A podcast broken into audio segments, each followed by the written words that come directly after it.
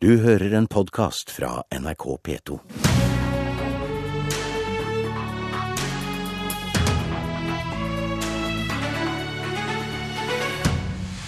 I morgen går den ene av, den andre på. Etter tolv år skifter Arbeiderpartiet leder.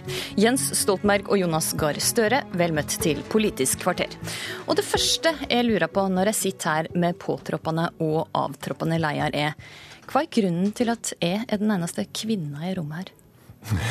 Det er fordi du har invitert oss to. Eh, og eh, vi stiller jo når du ber oss om å komme. Men eh, er det et problem at en ikke har en aktuell kvinnelig lederkandidat? Vi har en kvinnelig nestleder som gjennom flere år, men ikke minst bare de siste dagene i håndtering av f.eks. kommunereform, er en veldig markert og sterk nestleder i partiet. Seks av tolv talsmenn på Stortinget er kvinner, så halvparten er kvinner. Og det, flertallet av stortingsgruppa er kvinner. Så det er mange kvinner i Arbeiderpartiet. Men så har valgkomiteen da kommet til at det er en mann som skal etterfølge uh, meg. Og det kan bare være én leder, så der må det nødvendigvis være enten en mann eller en kvinne. Dagsavisen skriver i dag at Arbeiderpartiet sine egne undersøkelser etter valget viste at svært få kjente til navnet på en profilert kvinnelig Arbeiderpartipolitiker. Er det vanskelig for dere?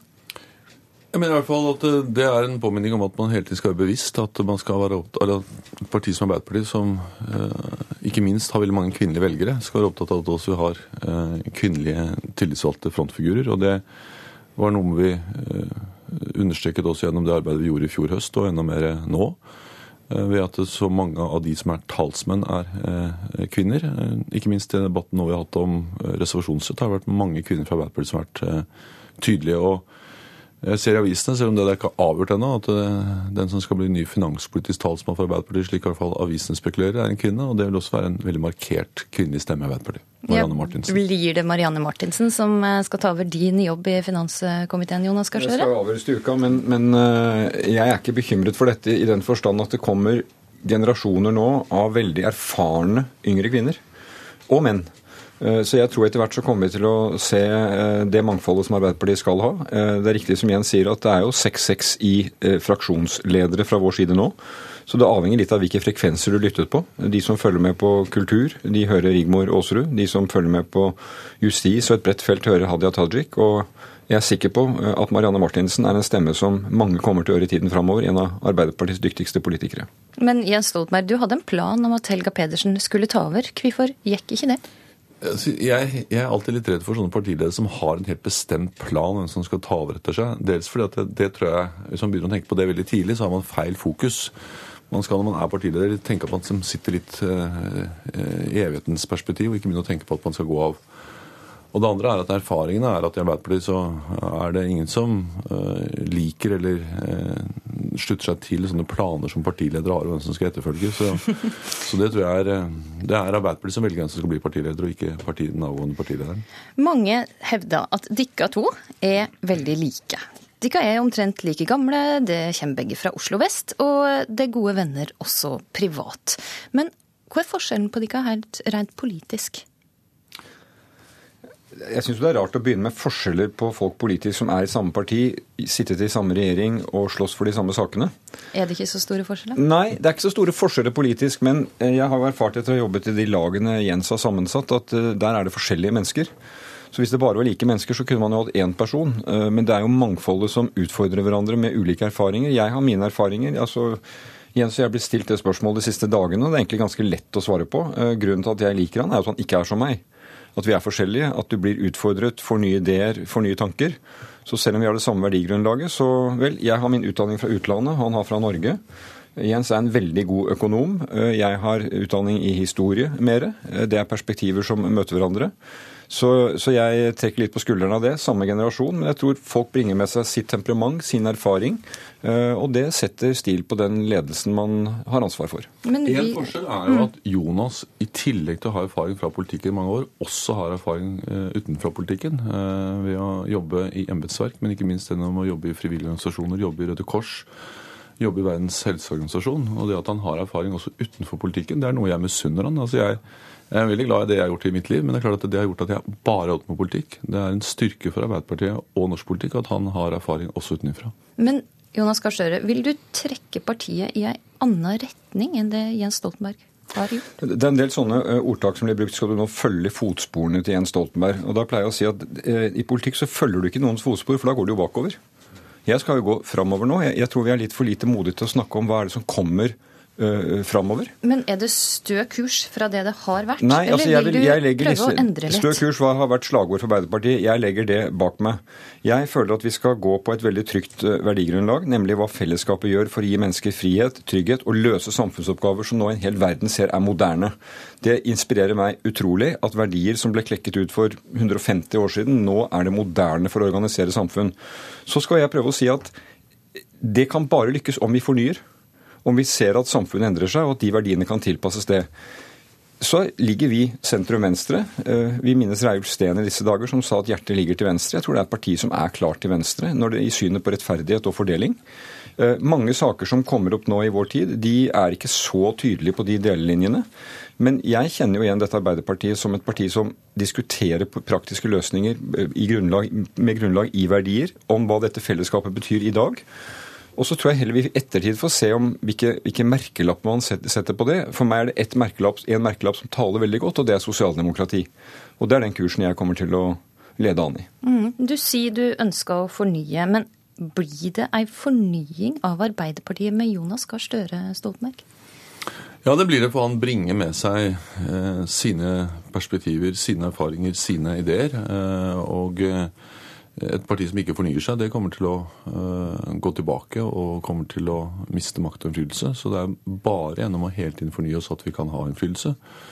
Og, og Jonas er et spennende menneske, for Jonas uh, er både veldig kunnskapsrik, men han har også evnen til å tenke litt uh, utradisjonelt, se framover, være et grunnleggende moderne menneske, fordi han bringer med seg nye tanker. Så jeg, altså En grunn til at jeg beundrer Jonas, er nettopp at han er et, et jeg vil si et veldig mangfoldig og spennende menneske eh, som kombinerer det med eh, stor kunnskap og eh, svært god dyktighet på mange områder. Kan jeg si en ting som bare da returnerer en hyggelig hilsen fra sidemannen her. Det er jo at det, det spennende med Jens som leder, er jo at han er jo ikke den samme år for år.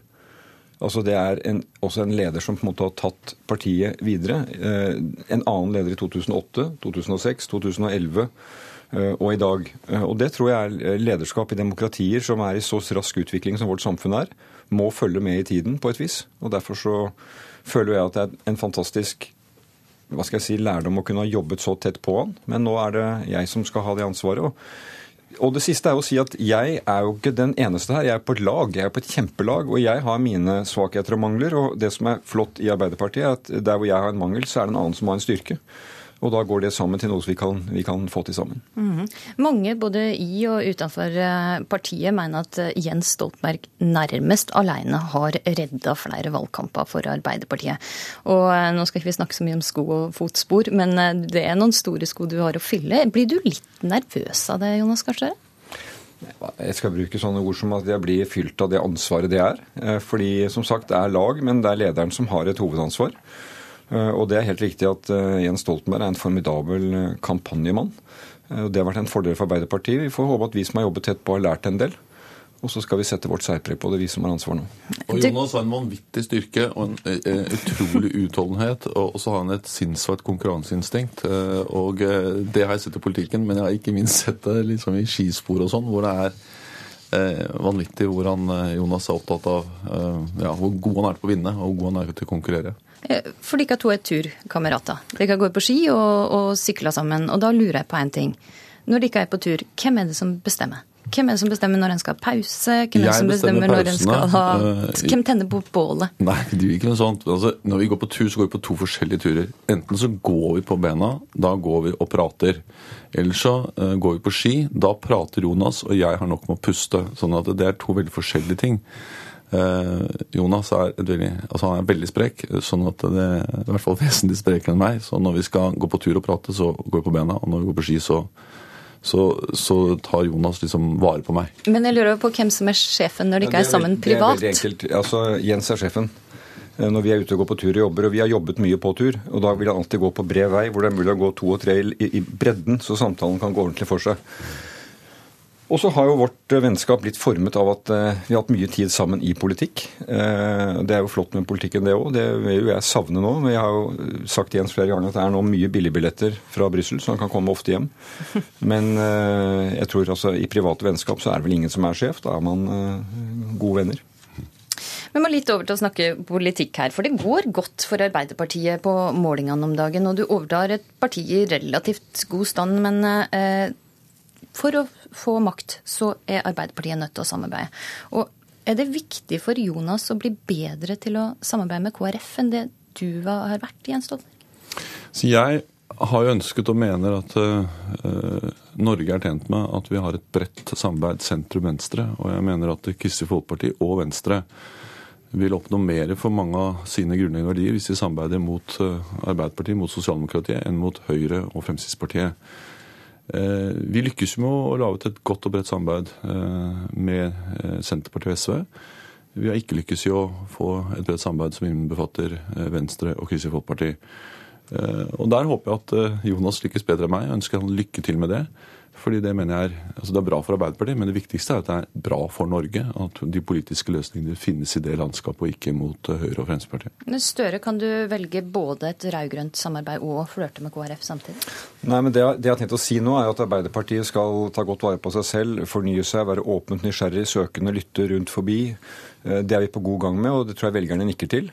Eh, men så skal vi være åpne i alle retninger. Vi skal ta godt vare på de vennskapene vi hadde fra forrige regjering. Det jeg, var jeg med på i åtte år, og det er jeg stolt av. Vi skal bli kjent med Miljøpartiet De Grønne, de skal bli kjent med oss. Og så skal vi snakke godt med Venstre og Kristelig Folkeparti. Jeg respekterer jo at de har en avtale. Så jeg, jeg, altså Det er noe med sånn vanlig høflighet at det å trampe inn dørene til folk som har tatt et valg, det tar jeg litt forsiktig. Men gjennom disse eh, årene opp mot 2017 så får vi jo vist de politiske forskjellene. De får sett de ulike alternativene. Vi skal jo klargjøre hvor vi står og vise at går de i retning oss, så er det et annet flertall mulig. Men er det viktigst for det nå å bli venner med Kristelig Folkeparti, eller holde på vennskapet med Senterpartiet og SV? Altså, Jeg ser ikke noen motsetning til det. Jeg snakker godt med Kristelig Folkeparti, eh, og det er gjennom sakene.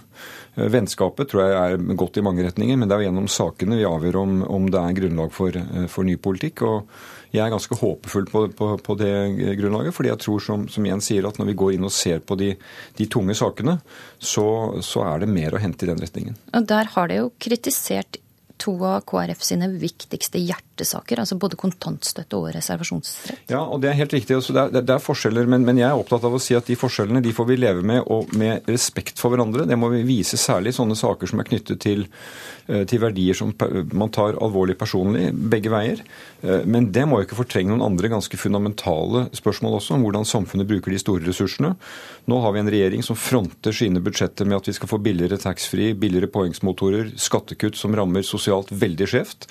Summen av det mener jeg er eh, ganske eh, ja, markerte endringer i den måten samfunnet eh, utvikler seg på. og Det vil overraske meg om det er noe sentrumspartiene, Kristelig Folkeparti, Venstre og Senterpartiet for seg vil nikke til gjennom årene. Mm.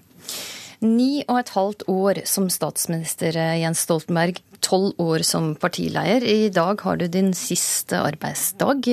Hvordan kjennes det ut å havne i glass og ramme på Youngstorget?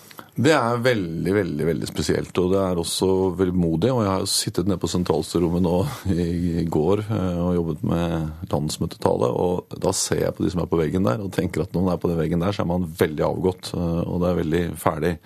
Og jeg har jo sittet i det sentralstyret egentlig siden begynnelsen av 80-tallet og sett på disse partilederne som da har hengt på veggen der, og tenkt at de er veldig gamle, eh, og de tilhører en helt annen tid. Og nå skal jeg da etter alt å dømme snart henge på den veggen selv. og det, det er, altså det er en veldig blandede følelser. Det er, det er, en, det er en anerkjennelse å bli malt og hengt på en vegg, men det er også et uttrykk for at man er uh, ute og ferdig.